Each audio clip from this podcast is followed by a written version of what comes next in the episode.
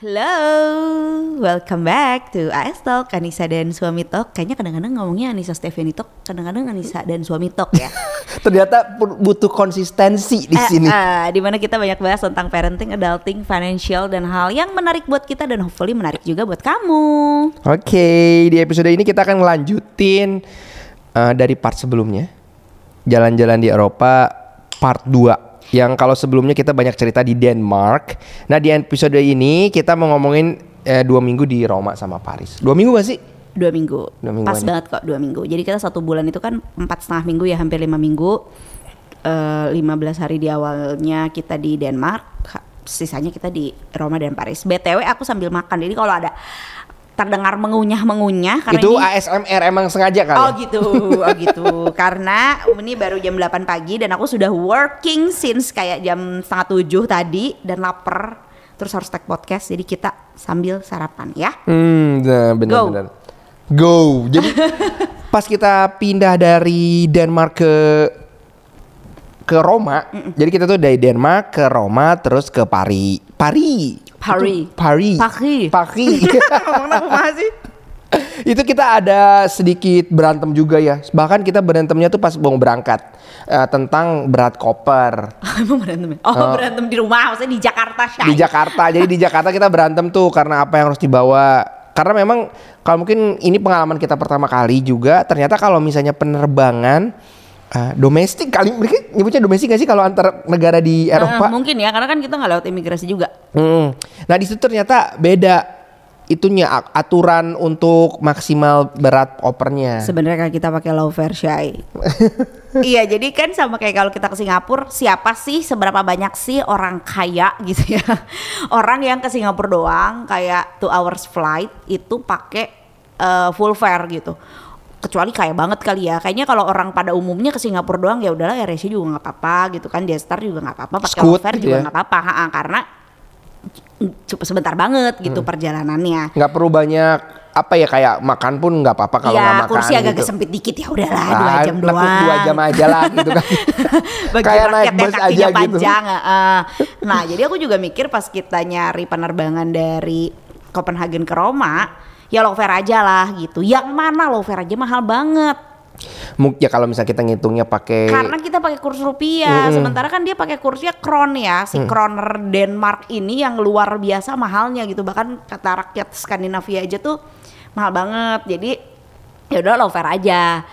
Terus jadinya karena pakai low fare, jadi dapat bagasinya cuman 20 gitu. Sementara kita pergi pulang tuh pakai full fare kan, dapat bagasinya 32. Nah, iya nah itu berarti kita harus nge-split tuh dari yang 30 gimana sih jad- biar jadi bisa 20.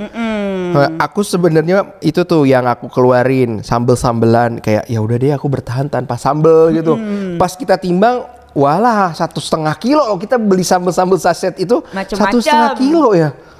bon cabe bon cabean perkara tolak angin ya. Tolak angin kamu selundupkan keluar aku selundupkan kembali ke dalam ya. Dan terbukti ya. Dan itu kamu bawa dua empat box ya? Tiga box. aku bawa semua. Dan tahu nggak pas kita pulang itu habis. Kayak cuma sisa tiga gitu loh ya kan? Kamu tidak merasakannya karena kayak mau tolak angin mau tolak angin gitu-gitu ya. Kayak cuman ah cuman dikit aku mah gitu. Habis bro. Mie, apa terus? Mie instan. Ya mie instan aku kita kurangin kurangin itu. setengahnya tapi gitu. ternyata kita nggak gitu makan mie instan ya?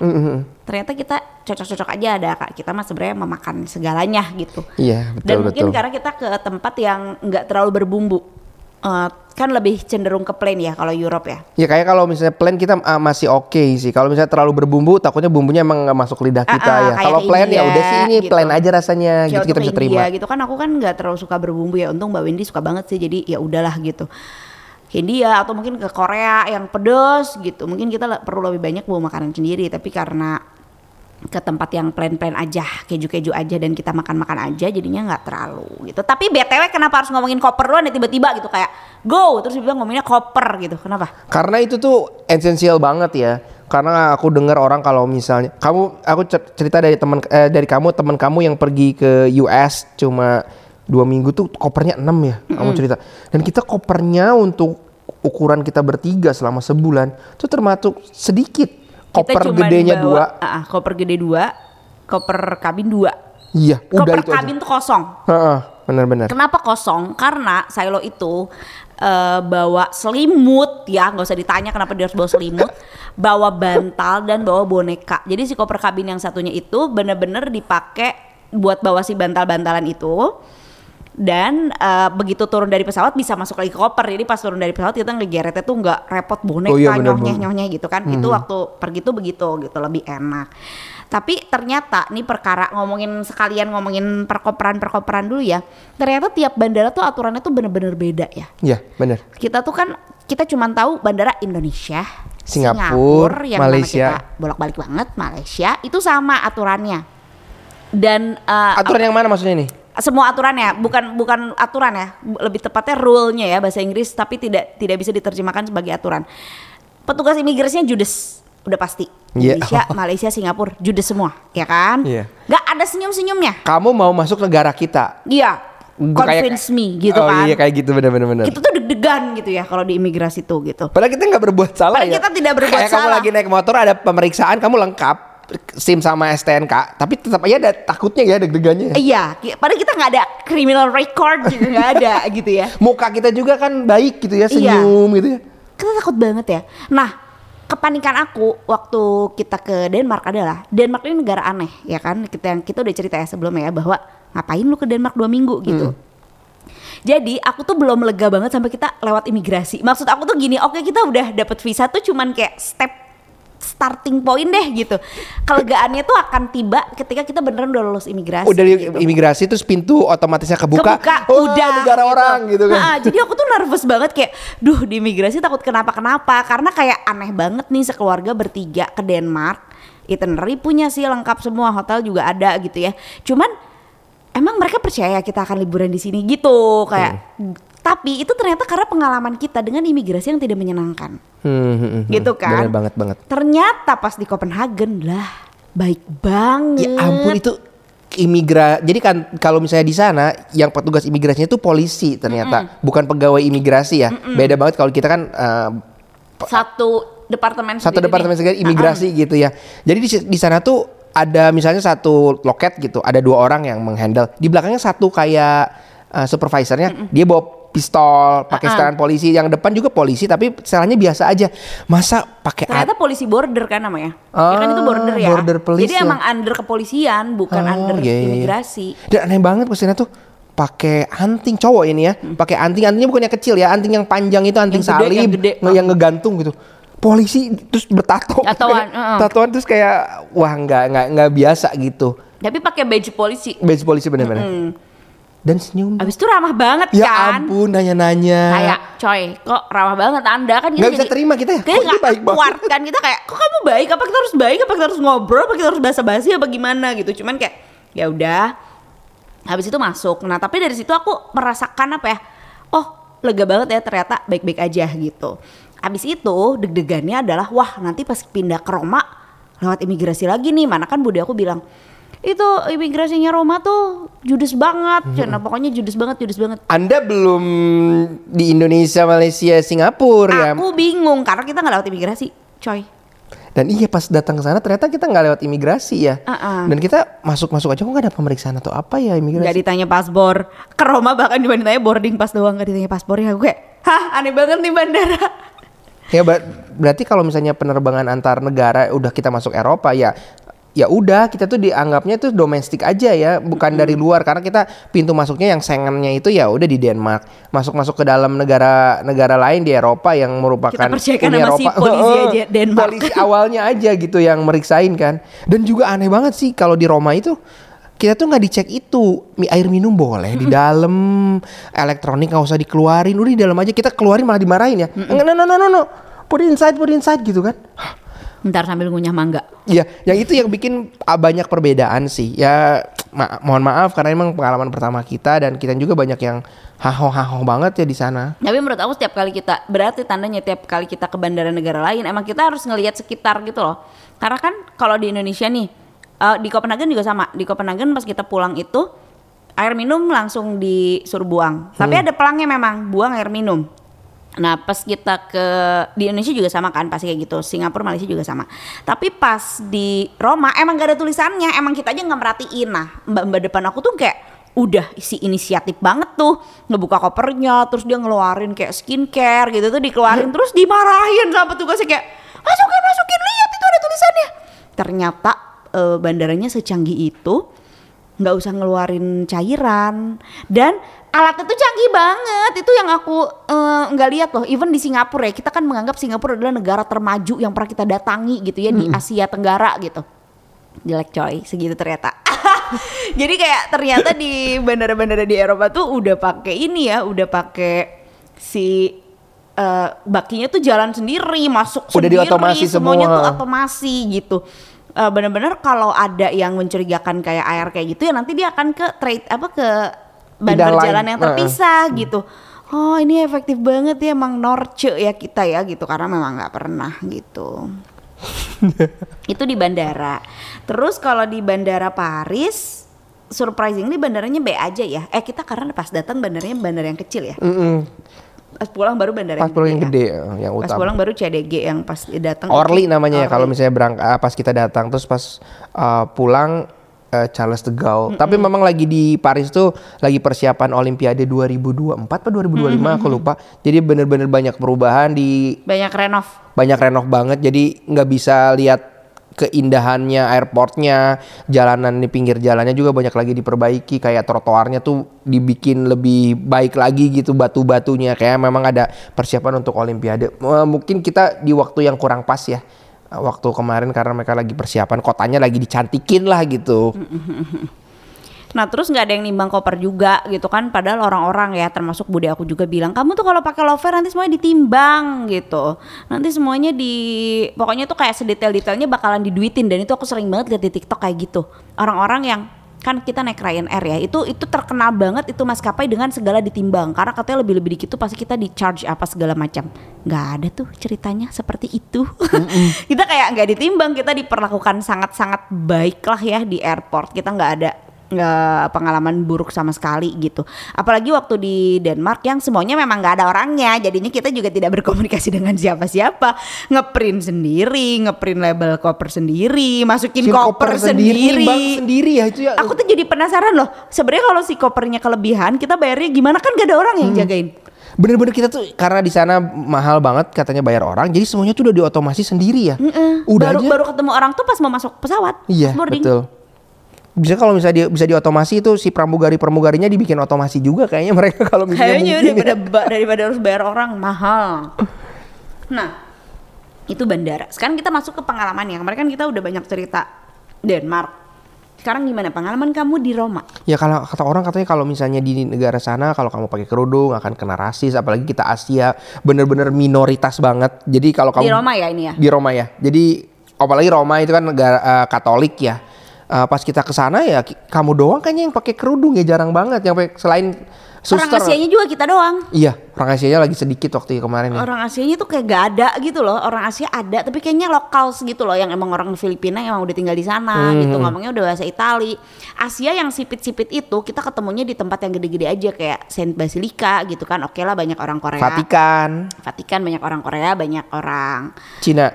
Cina gitu. Hmm. Cuman kayak eh, di transportasi umum, di tempat-tempat umum itu kita kayak jarang banget ya nemu orang Asia. Let alone orang Asia yang pakai tiung gitu kan. kerudung. Tapi jadi mereka tuh Tiung nggak ini ya.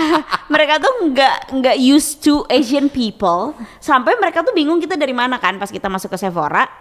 Si Aduh, kalau ngomongin Sephora ini kan suka dengar kalau Sephora katanya suka pada di judes-judes gitu. Indonesia ya, di ternyata, Jakarta Shay. ternyata kalau di sana baik banget. Wah, parah. Kamu nggak beli pun di bener-bener di Diajak ngobrol. diajak ngobrol gitu. Sampai kita ngobrol sama kayak kayak security tapi dia juga sama sales juga kayak gabung-gabung terus dia nanya dia ngebak Kamu dari mana? Kamu dari Jepang. mana? Jepang Pak. kayak muka begini Jepang nih Shay gitu. bukan terus Korea. Korea bukan Cina semua aja dia sebut. Saking dia tidak pernah melihat jarang kali ya lihat Hmm. turis Asia. Terus ah, ternyata dia eh, ah, kita kasih tahu kalau kita dari Indonesia. Terus dia memperkenalkan diri dia dari Senegal gitu. Terus aku bilang pemain bola tuh ada kayak apa eh siapa jadi aku Mane Mane gitu. Terus dia seneng banget. Kita tahu pemain bola asal Senegal, Senegal. gitu kan. Yo, assalamualaikum, assalamualaikum dia langsung assalamualaikum, assalamualaikum sama kita karena mungkin negara Muslim karena aku tahu Mane juga Muslim gitu. Terus jadi aku jadi tahu tuh orang Senegal tuh yang kulit hitamnya tuh seperti apa itu jadi tahu aku. Hitam banget ya. Hitam banget kayak kayak mana hitamnya tuh hitam banget oh itu berarti Senegal. Dan nggak ada yang dari Asia tuh sedikit banget ya. Dan dia juga dari Afrika. Kalau Afrika banyak lah ya di sana yang bukan Afrika sih kulit hitam. Kulit hitam.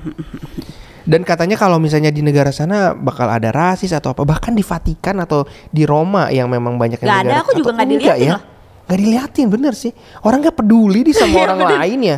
Asal kitanya nggak ganggu peduli orang. itu sampai lihat cewek pakai bra doang sama celana dalam habis itu pakai baju mesh kayak kayak gak pakai baju aja gitu ya dan dia pun gak diliatin cuman kita aja yang shock kayak Kayak kita orang pakai bikini di tengah kota lah ya. Eh, eh, karena Ya kan ini bukan di gitu. pantai gitu ya. Ini tuh kota banget. Kebayang tiba-tiba ada di SCBD orang pakai baju kayak gitu kan pasti kalau kita akan ngeliatin gitu ya. Gak ada yang peduli gitu. Oh ya udah memang orang hidupnya masing-masing aja. Tapi kita suka banget ya sama Roma. Sampai kayak paling capek tuh kita di Roma deh. Makanya kita di Paris capek banget karena di Roma kita 20 ribu langkah.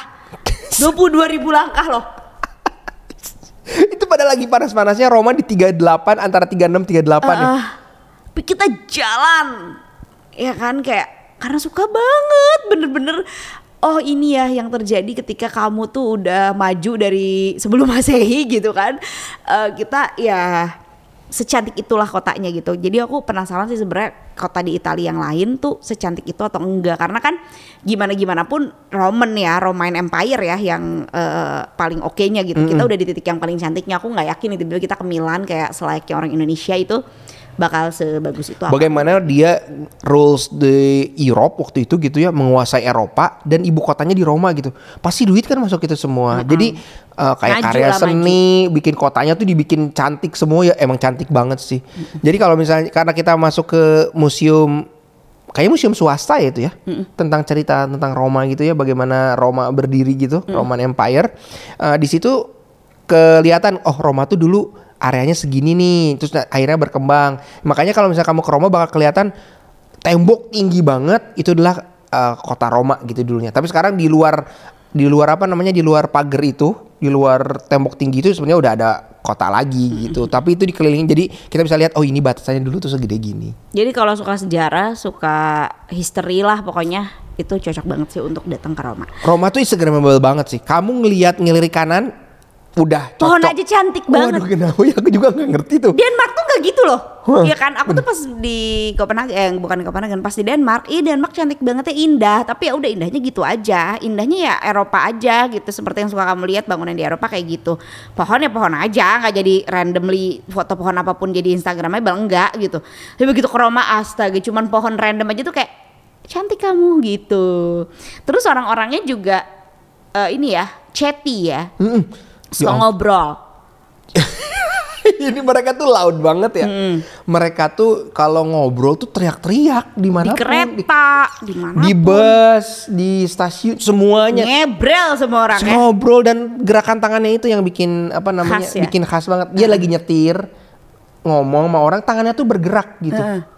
tetap gitu tapi ya orang bilang orang-orangnya nggak ramah. Menurut aku bukan nggak ramah sih tapi nggak peduli aja. Nggak peduli kita siapa. Nggak pe- kenapa kita harus diperlakukan lebih gitu berbeda gitu kan? Nggak juga gitu. Ya Nah. udah nggak usah eh, memang nggak usah ramah kalau dipikir-pikir ya sekarang ya. Sebenarnya bukan ramah ya mereka nggak ya nggak berinteraksi aja gitu kalau Nggak, kenapa harus ramah sih kalau dipikir-pikir emang Oh iya sih makanya kenapa orang bilang Indonesia tuh orangnya ramah-ramah. Padahal mah basa-basi tau nggak itu tuh? Kayak bukan basa-basi apa ya kepo juga gitu. Nggak enakan itu kan people pleaser gitu. Sekarang setelah aku di sana aku pikir-pikir ya kenapa harus ramah ya? Nggak ramah juga nggak apa-apa kok. Kenapa si pegawai toko harus ramah gitu? Lah kita juga butuh di situ. Hmm. kita juga butuh membelinya. Kenapa dia harus senyum atau apa nggak apa-apa. Kalau dia nggak senyum aja udah dia emang doing her job aja gitu. Kecuali kalau pekerjaannya customer service kerjaannya tour guide ya oke lah harus ramah gitu ya. Tapi kalau kasir ya udah emang cuma terima uang kok. Nggak apa-apa kok asal nggak judes aja kan. Ya Iya, biasa iya. aja mukanya netral gitu. Jadi pelanggan dan penjual tuh ya setara gitu, bukan Ah, pembeli adalah raja gitu. egalite Egalite. Tapi itu Paris ya itu Perancis ya bukan Italia. Aku nggak tahu di Roma ada egalite apa enggak maksudnya kan setara tuh itu gitu nggak berarti karena kamu beli terus kamu jadi raja naon ya dipikir-pikir mah yang nggak usah beli gitu. Gak usah beli aja kalau kamu ingin dianggap raja. Bener juga ya Pak kita gila hormat ya. Ya kan jangan-jangan itulah yang jadi Ini loh yang jadi asal muasal kenapa ada orang ingin dihormati kenapa ada orang pingin pakai eh, setelan brandy dan pengen kelihatan kaya karena memang orang memperlakukan kamu berbeda gitu tapi ketika pakai baju apa pun kamu kamu ngapain pun diperlakukannya sama kan jadi nggak ada kebutuhan juga untuk flexing ya Hmm, iya. kamu bener. nggak diperlakukan sebagai raja mau ngapain pun kamu gitu Kecuali aku pas ke sana tuh kan aku suka banget AS Roma gitu. Hmm. Terus aku pakai jersey Roma. Terus aku nama name set belakangnya nomornya itu ya lumayan legend lah di Hmm. sana, Nainggolan gitu. Terus orang tuh nyapa. ya jadi ternyata bola itu adalah bahasa universal ya Ah iya, bener-bener. Aku nggak nggak pernah definisiin itu sih ya. Ah, ah, apalagi di kota-kota yang memang bolanya tuh kencang banget karena kan kemarin kita ke kota-kota yang memang culture-nya tuh bola gitu banyak banget orang pakai jersey orang tuh ngomongin bola ya wajar lah kalau kamu diperlakukan berbeda karena itu kan fanatik ya Muka aku Asia, bukan orang Eropa, pakai jersey AS Kotanya Roma dia. gitu, terus pakai nama name set yang emang orang terkenalnya di sana gitu. Ya orang pasti, wah ada ninja, katakan Nainggolan tuh panggilnya di ninja Hmm. gitu. Mereka tuh di ninja terus kita senyum gitu, lempar senyum. Itu sih aku berinteraksi. Makanya aku senang banget pakai jersey tiap hari dipakai coy Cuci kering pakai. tiap hari dipakai biar jadi ini biar jadi apa icebreaker gitu kan Hmm. si kasir-kasir jadi ramah karena kita pengen diperlakukan ramah kita tidak terbiasa dengan diperlakukan biasa aja Berarti itu itu kayak gini nih. Kalau kalau di Bandung ada bule pakai jersey Persib. Kalau enggak di Jakarta ada Pasti bule pakai Persija gitu ya. Pasti Pasti, disapa. disapa Terus pakai nama belakang yang keren banget misal Bambang Pamungkas kan orang Iya, Indonesia belakangnya "Wih, bule, Pamungkas Pamungkas gitu. bule kan. Wah, Pamungkas kan gitu. Oh, aku ngerti sih. ya tapi overall nggak apa-apa juga ya maksudnya netral-netral aja nggak jadi kita dijahatin orang jadi orang tuh biasanya kalau bilang nggak ramah itu nganggapnya judes enggak loh ada tengah-tengah loh ada si netral gitu. Berarti netral gitu bukan gak ramah tapi netral. Iya, biasa aja. Kan Kalau ya nggak ramah aja. tuh misalnya kamu datang terus di misu-misu dimarahin. Nah, itu enggak. gitu. bukan- enggak, oh, enggak begitu. Iya, iya, Biasa aja dia diem. Jadi enggak perlu dibilang, "Eh, enggak ramah." Itu artinya judes. Enggak, enggak. Biasa aja. Memang tidak tersenyum aja. Dan dia tetap bilang terima kasih, tetap bilang sama-sama, biasa aja. Coba ya, aku tes nih. Kalau dia bilang grazie, kamu bilang Prego. jagoan eh. Kalau kalau Itali mah gampang. Makanannya sih kalau kalau Roma sih menurut aku ya selain orang-orang yang biasa aja, maksudnya nggak usah ramah-ramah juga, makanannya itu top notch banget. Top notch. Kamu beli di supermarket aja gitu kan bukan Random. random ya enak ya makanannya. Kayak aku beli bumbu apa tuh bumbu Tomat. bumbu tomat kayak buat saus, Saus pasta tomat, gitu. Enak ya. Enak banget, Pas eh. kita beli di Paris, kita beli random nggak enak. Ya Allah, saus tomat di Paris apa yang nggak ada rasa apa-apanya. Bener-bener perbekalan kita baru kepake pas di Paris ya, Iya. karena makanannya kurang. Kita mulai makan mie instan tuh di Paris. Ya, eh, karena sebelumnya enggak. Nah, eh, tapi suaminya Budi aku tuh udah bilang kan bahwa Roma itu bisa masak dan makanannya emang enak gitu. Tapi orang Prancis merasa mereka makanan enak padahal enggak gitu. Terus kita kayak emang iya. Emang iya gitu kan ya. enak banget tuh makanan Prancis Gak gitunya kita tahu apa sih sebenarnya makanan Prancis tapi ternyata pasti cobain "Heeh, bener. Ini tuh mereka tuh menganggap makanan mereka tuh top notch sedunia culture banget gitu. Ternyata ya elah, nggak bisa beli random, bener-bener harus tuh? dipikirin. Spinach cream apa bayam apa di Paris itu ya nggak Itu kalau yang bikin orang Roma pasti enak. Kalau ro kita nyoba kan di Roma tuh Oh iya, yang ba- sayuran-sayuran gitu, uh enak banget. Enak banget ya. Pakai apa sistem apa oil oil apa Olive gitu, oil. olive oil itu enak banget asli sayur-sayurannya. Ya sampai kalau nanya Silo apa yang paling berkesan di Roma dia jawab makanannya dong. Terus dia nge-rate makanan-makanan yang dimakan di Roma semuanya nilainya 10. Nggak ada yang nilainya kurang dari 10. Karena dia berangkat dari Denmark yang banyaknya so, rasanya hambar Plain-plain ya. gitu. Terus ke Roma berasa banget sih. Keju aja tuh murah ya dibandingin Denmark itu Iya. murah dan jenisnya banyak banget ya. Permasannya ada permasan tuh nggak satu gitu kan. Aku tahu oh permasan ternyata permasan tuh ada banyak jenisnya. Hmm. Enak. Terus apartemen kita juga lucu kayak apartemen jadul kayak apartemennya si Emily in Paris gitu ya depannya maksudnya padahal pasti di Paris apartemen kita modern sih. Cuman kayak bener-bener kayak merasa di Itali banget gitu. Nanti aku belum aku edit lagi ada sih sebenarnya videonya tapi tidak diedit. dari gerbang depan sampai ke masuk ke kamar ya. Nah itu lucu banget sih dan eh, apa ya kedap ya kita nggak denger orang sebelah padahal kan itu pemukiman padat ya. Ya seperti kita bilang tadi kalau orang Itali kan teriak-teriak kalau ngomong ya. Nah, kayaknya memang Lo- temboknya jadi harus tebel ya. Sampai nggak ada sinyal tuh kalau di kamar yang di belakang itu nggak ada sinyal saking kayaknya si temboknya tuh tebel gitu. Nah, itu kalau Roma. Bagaimana kalau Paris? Paris? bacanya gitu gak sih? Paris. Mereka nggak bisa ngomong huruf R, apa kita pusing banget, Si merci aja aku susah banget Merci. merci, merci. susah banget dan yang paling bikin susah adalah eh kalau naik kereta kita nggak tahu harus berhenti di mana karena si pengumumannya ngomongnya pakai bahasa Perancis, tulisannya apa, ngomongnya gimana, kayak jauh banget, huruf R gak dibaca. Contoh aja nih, kan ada stasiun namanya Franklin D. Roosevelt ya. Itu kan nama orang ya, Franklin D. Roosevelt. Itu harus bener dong, itu nama orang gitu. Uh-uh. Bukan orang Amerika ya itu Uh-uh. kan. Dia bacanya Fonkin. Franklin, Fonkin. naon R-nya sih? kagak ada, Franklin Gak, nemu, Fonkin. gak bener-bener gak ketangkep kayak. "Ya aneh banget sih aku gitu. bener-bener. Jadi pengen belajar bahasa Paris eh Prancis ya aku juga aduh. supaya lebih mengerti gitu.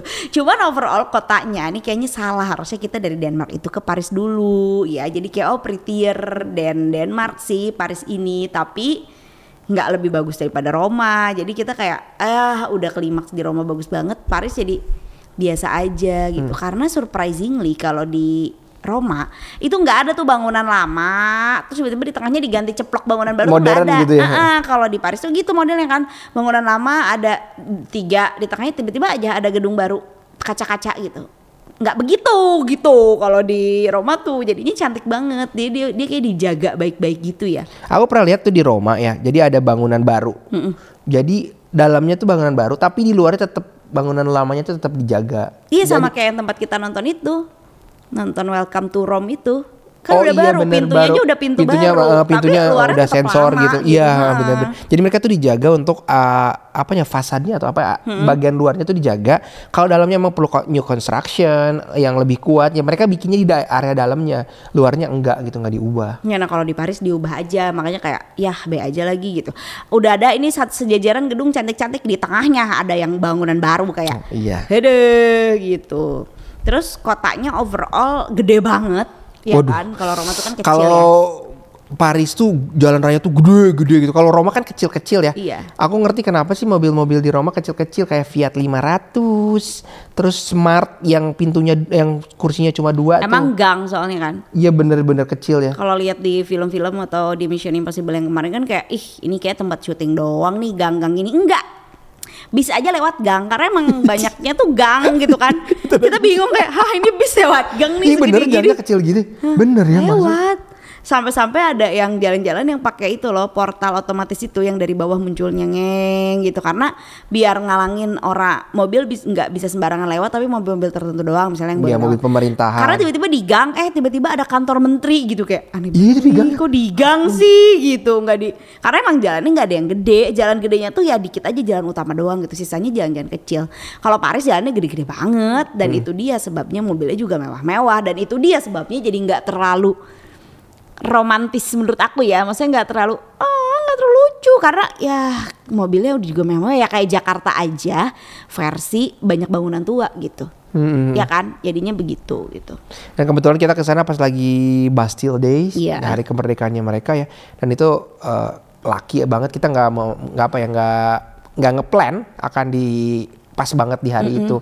Jadi pas di pagi-paginya pas hari kemerdekaannya mereka tuh pagi-pagi tuh pesawat apa tempur Jet. Jet tuh banyak banget. Bayangin kalau kita 17 Agustusan eh, pesawat tempurnya lewat sekali udah gitu. Udah gitu, lewat Monas ya. Ini tuh setiap Seharian. seharian tuh helikopter juga banyak banget jenisnya yang dari tua sampai ke yang muda. Makanya kemarin aku ngerti kenapa sih Indonesia beli pesawat tempur bekas dari Prancis gitu yang hampir satu triliun gitu. Ya memang di sana Punya banyak. punya banyak ya ternyata mereka banyak banget gitu. Jadi memang kekuatan militernya cukup cukup kuat banget sih Prancis kalau aku lihat dari situ. Terus aku berdiri deket Alice de Ch- Ch- Chom Chom Chom dia Champs-Élysées Chom Elises bacanya Chom loh buka- walaupun tulisannya Sham Cham Cham gitu ya tapi bacanya Chom kalau emang mau pakai O Champs kenapa enggak enggak mereka harus ada huruf A gitu pakai O aja udah sekalian kesel Enggak sih kalau bahasa Inggris juga gitu sih sebenarnya. Kalau kalau A sama O doang oke lah bahasa Inggris juga gitu. Ini mah huruf belakangnya nggak disebut. Nulisnya Elise, bacanya Elise doang. mereka Eh, iya S S S belakangnya kenapa ditulis bro gitu kalau nggak mau disebutin gitu.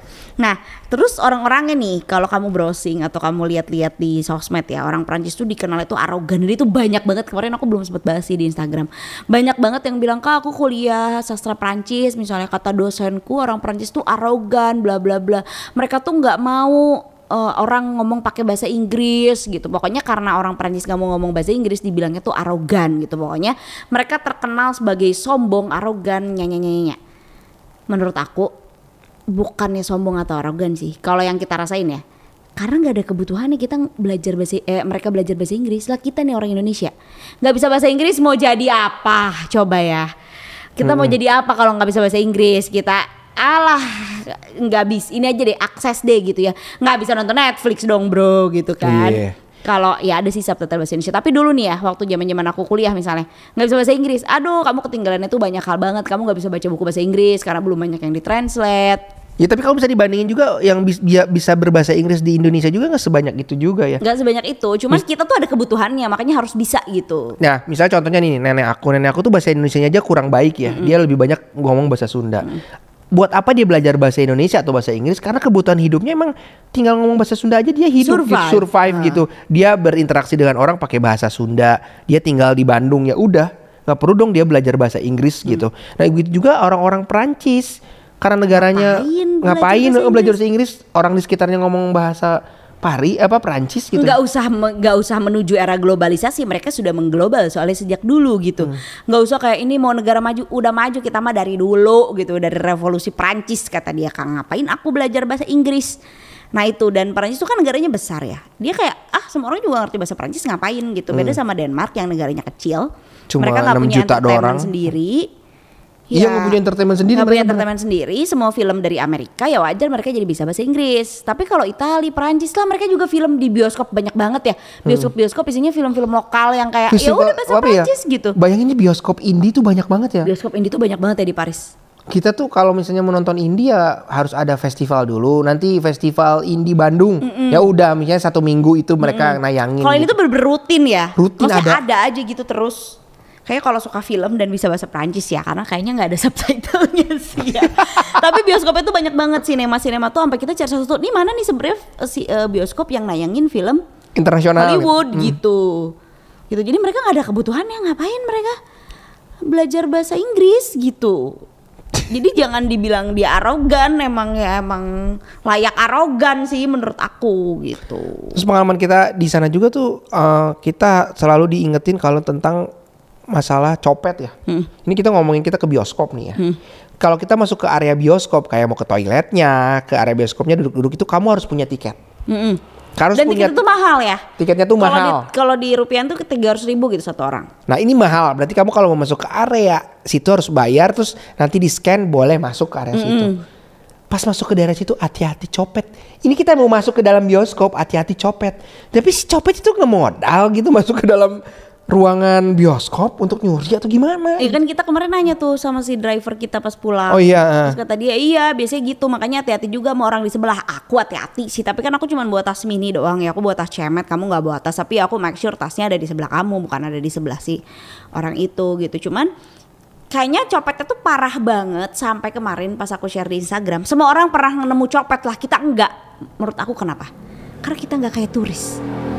Oh iya kita act like local gitu ya. Jadi waktu di Roma kita juga nggak terlalu kelihatan uh, kayak turis kecuali kalau sama bebek kan kalau sama bebek kamu jadi bawa ransel, bawa tas segala macem gitu ya. Mm, bawa uh, minum bawa gitu ya. minum gitu kan itu kelihatan banget kayak turis dan kita di turisti area gitu. Tapi kan kita sering juga ke tempat yang nggak turisti dan kamu nggak bawa tas, aku cuma bawa tas kecil doang. Ini kita di Paris sering banget loh kayak gini. Terus kayak ya udah kayak orang lokal aja ngetap udah pakai orang turis tuh kan biasanya tuh nggak beli si kartu ya, beli tiket manual gitu-gitu. Kita nggak kelihatan kayak turis sama sekali gitu. Jadinya juga nggak menghadapi si copet sama sekali juga. Bahkan nggak ngelihat orang kecopetan atau nggak ngeliat kayak copet nih gitu. Kita tidak punya pengalaman itu jadinya gitu. Bahkan kita malah ditanya orang ini bener gak sih stasiun yang ini? Uh, gitu karena uh, kita nggak kelihatan kayak turis. Kita ngebuan dan karena di Paris mah orang lokalnya juga banyak yang pakai kerudung dan hmm. banyak orang Asia. Walaupun banyak cerita kalau di sana katanya kalau yang kerudung akan kena rasis gitu ya. Ternyata selama kita di sana alhamdulillah nggak ada ya. Terus pas ngobrol sama temen aku yang di sana emang udah tinggal, 6, di sana. tinggal di sana nikah sama orang sana gitu lebih dari enam tahun tinggal di uh, Paris ternyata kerudung tuh masalahnya tuh bukan masalah di jalan kamu nggak boleh pakai kerudung, tapi kalau misalnya memang udah masuk ke kayak sistem pendidikan, ya, maksudnya pemerintahan, kamu tuh harus berlaku netral gitu. Bahwa kalau kerudung tuh kan kayak simbol kamu, simbol identitas gitu ya. Bahwa nanti ka- ketika kamu ngomong tuh nggak lagi netral itu sih katanya ya. Bukan gak lagi netral sih, orang lihat kamu gak netral Oh lagi. orang walaupun kita ngomongnya netral, tapi Ah, karena ah, kita orang- karena kita pakai atribut agama orang nggak lihat kita sebagai netral lagi. Dan aku setuju. Honestly aku setuju gitu. Cuman kalau misalnya kamu tiba-tiba kamu tidak bekerja kamu ibu rumah tangga kamu di rumah mau pakai kerudung mah ya nggak apa-apa gitu. Ada cerita-cerita orang yang dirasisin gitu ya di tengah jalan diteriakin. Di kita juga ada coy. Sebenarnya mah cerita-cerita kayak gitu gitu ya. Cina diteriakin Cina apalah diteriakin segala macam. Ada di kita juga tapi tidak berarti setiap hari ada gitu dan tidak berarti semua orang akan mengalaminya itu sih. Dan Muslim community gede banget ya. Kita ketemu mereka di mana-mana di eh, stasiun. di bandara. Bandara tuh beneran orang yang ngurusin koper kita muslim driver kita ke bandara muslim. Sampai yang saking kita beruntungnya banget sampai yang handle koper kita terus bilangnya assalamualaikum gitu. Dia nggak pakai kerudung ya. Dia kayak mukanya tuh antara Arab sama Spanyol nggak tahu lah. Kayaknya dia Ah, mix lagi. Gitu ya, Latin Bu ya? gitu. Tapi ternyata assalamualaikum masya Allah gitu ya kata wow kata Iya jadi gede banget dan setiap masuk kereta itu di gerbong itu aja tuh bukan cuma aku yang pakai kerudung. Di satu gerbong aja pasti ada cewek lain pakai kerudung. Saking banyaknya orang pakai kerudung. Hmm. Aku sampai ngecekin foto-foto kita di kereta ya. Bener-bener yang ada aku duduk di belakang aku orang pakai kerudung. Kayak banyak banget orang-orang yang pakai jilbab gitu. Jadi ya kalau dibilang laki mungkin laki ya kita tidak dirasisin tapi juga memang kita nggak kayak turis gitu. Turis tuh kelihatan banget loh. Sapatuna riwehnya, bajunya teh repot pakai tas pinggang. Wah, repot banget, Shay. apalagi kalau ada turis dari Cina sama Korea itu tuh Aduh, mencolok banget mencolok banget pakaiannya setelannya. tuh pakaiannya tuh kalau misalnya ya? kita bilang Nora lah ya tapi emang ber, ber, ber- Warna-warni. aduh tapi mereknya emang merek mahal gitu kayak Fendi lah atau apa gitu. Tapi, tapi mencolok banget ya too much gitu. kenapa nggak ngeblend gitu kan ya? Sementara kamu cuma bawa handphone doang habis itu kartu kereta ditaruh di belakang handphone aku cuma bawa tas kecil isinya dompet doang kayak ya udah kita jadinya nggak nggak diperlukan kayak turis gitu dan memang maunya kan kayak gitu ya. Dan ha- hasil aku googling sama aku lihat di sosial media gitu aku lihat konten-konten tentang uh, copet-copet di Eropa sana sama info dari teman aku terus tem- teman aku bilang ini bukannya rasis ya tapi kenyataan yang memang pernah dia alamin juga gitu. Rata-rata itu dari Eropa Timur katanya. Orang-orang yang memang pencopet itu. iya bukan orang kulit hitam. Kita Bukan- kan memang harus unlearn ya. Aku kulit hitam sama orang India yang aku takut ya, yang men- kayak orang-orang India, Bangladesh gitulah ya yang ini pasti copet ini ternyata muka-mukanya tuh muka-muka bukan ya. scammer gitu ya muka-muka scammer ternyata bukan ya. ternyata orang Rumania gitu. Bulgaria. Karena pas pulang dari Disneyland itu ada satu station yang isinya tuh orang keluar masuknya tuh orang kulit hitam semua. Dan aku memang rasis tuh memang ada di dalam pikiran ya meskipun kalau kita ngomong kayak enggak nggak rasis biasa aja. Tapi itu kan sesuatu yang kita pelajari bertahun-tahun gitu ya. Tuh aku harus unlearn lagi loh bahwa mereka tuh nggak orang jahat gitu. Karena tiba-tiba se- gerombol masuk terus aku kayak Wah copet nih gitu Ah, iya, kan? ada gitu. Ada kan ada perasaan itu kan? Terus ternyata pas ngobrol sama orang Bukan bukan orang kulit hitam yang copet Biasanya orang Rumania. Kayak ah oke Itu sesuatu yang masih harus terus menerus Itu yang namanya adil sejak dalam pikiran tuh ya. Kayak di pikiran aja tuh udah kayak Suuzon sama orang. Padahal orangnya nggak ngapa-ngapain juga gitu kan. Yang kalau scam sih memang udah kita udah tahu baca-baca. Kayak scam tuh nanti dia nawarin yang suka nawar-nawarin barang gitu. Tapi berani banget ya scammer-scammer itu ya Terutama di Italia ya. Padahal kan polisi tuh jaganya tuh banyak banget. Sampai kita tuh aware bahwa nih tempat banyak copet ya. karena polisi yang jaga banyak banget kan Sama yang yang laporan juga ke polisi banyak, Banyak, ya kehilangan ngantri. ngantri ya. Jadi dia pasti hilang dompet, hilang apa paspor gitu. kan harus bikin surat kehilangan dan yang karena nggak tahu karena muka aku seperti ini gitu ya si orang-orang India tuh nggak mau nawarin ke aku Hmm, kamu dianggap scammer juga sih menurut aku. Kayak orang Vietnam scammer-scammer gitu kan. jadi ada yang suka nawarin uh, selfie stick atau tongsis tongsis gitu ya pas ngelewat aku Dilewat. Dilewatin aku merasa ter apa ya Mungkin kamu kelihatan miskin juga sih bisa jadi juga aku nggak ditawarin sama dia gitu Merasa tersinggung kayak kenapa semua orang ditawarin tapi aku tidak. Jadi si orang-orang India itu yang yang jualan kipas, yang misalnya kamu bilang iya nanti dimahalin, Ya. itu nggak nawarin aku sama sekali. Semuanya tuh nge- ngelewatin aku doang. Kok dilewatin aku ya? Kok aku nggak ditawarin gitu? Aku tersinggung. Ini kayaknya nggak bakalan kena scam nih orang miskin gitu kan. gitu sih karena biasanya tuh kan emang eh, apa yang ngincernya tuh orang-orang yang terlihat lemah kan. Iya kan? Karena Kalau kita kan juga pede, lemah, kita pede kita jalan pede banget. Habis itu kan kita berperilaku tidak seperti orang Indonesia karena kan pada bisa bahasa Indonesia tuh apa kabar apa kabar? gitu kan. Kita kayak ah pura-pura nggak ngerti aja gitu. Kita ngomongnya bahasa Sunda. No one trust no one except dia ngomong bahasa Sunda gitu kan kita kan kita kayak gitu kan kita Iya, nggak akan ngajak ngomong siapa pun kecuali dia bahasa bahasa Sunda soalnya kalau bahasa Indonesia juga takut nih orang mana nih karena di India aja banyak banget orang bisa bahasa Indonesia Hmm. maksudnya udah tahu gitu nih banyak turis Indonesia kita belajar bahasa Indonesia dikit-dikit gitu Dan kita juga akhirnya ketemu orang Indonesia pertama kali di Roma di bus ya pas kita mau ke Colosseum. Oh ternyata dia orang Flores. Lagi kuliah. Lagi kuliah di sana, lagi kuliah Katolik ya. Eh, dia eh, namanya Laurentius. Halo Mas Laurentius. dia ada di apa ya di dekat Colosseum gitu dia lagi kuliah dua tahun katanya udah dua tahun di di sana di Roma keren ya Keren belajar agama Katolik langsung di Romanya Di gitu di pusatnya gitu ya. gitu tuh keren banget sih dia Oke, jadi sebagai closing, apa yang kamu dapat dari perjalanan ini? Kalau dari perjalanan ini aku tahu sih tentang culture, tentang bagaimana kita melihat manusia ke manusia lagi gitu. Banyak banget yang memang harus kita unlearn tadi bahwa eh, di satu negara kayak misalnya di Malaysia yang kriminal itu yang negatif gitu adalah eh, orang India gitu misalnya. Di sini eh, orang orang Lampung lah atau orang mana. Kayaknya itu yang memang harus di unlearn gitu. Bahwa nggak semua orang tuh jahat. Ya orang jahat tuh ada. Bukan ras mana ras ini ras itu. Tapi ya memang kalau ada orang jahat ya orang jahat. Mungkin bisa saudara kita juga jahat. Itu yang aku belajar si culture. Bagaimana kita memanusiakan manusia gitu. Aku belajar banget sih di sana ya. Bagaimana pemerintah tuh membayar orang pekerja kasar gitu. Tanda kutip pekerja kasar kayak tukang sampah yang di sini. Oh bayarannya rendah. Oh ternyata di sana bisa dong mereka hidup dengan baik gitu. Karena pemerintahnya juga menjaga dan masyarakat sosial juga menghormati mereka gitu.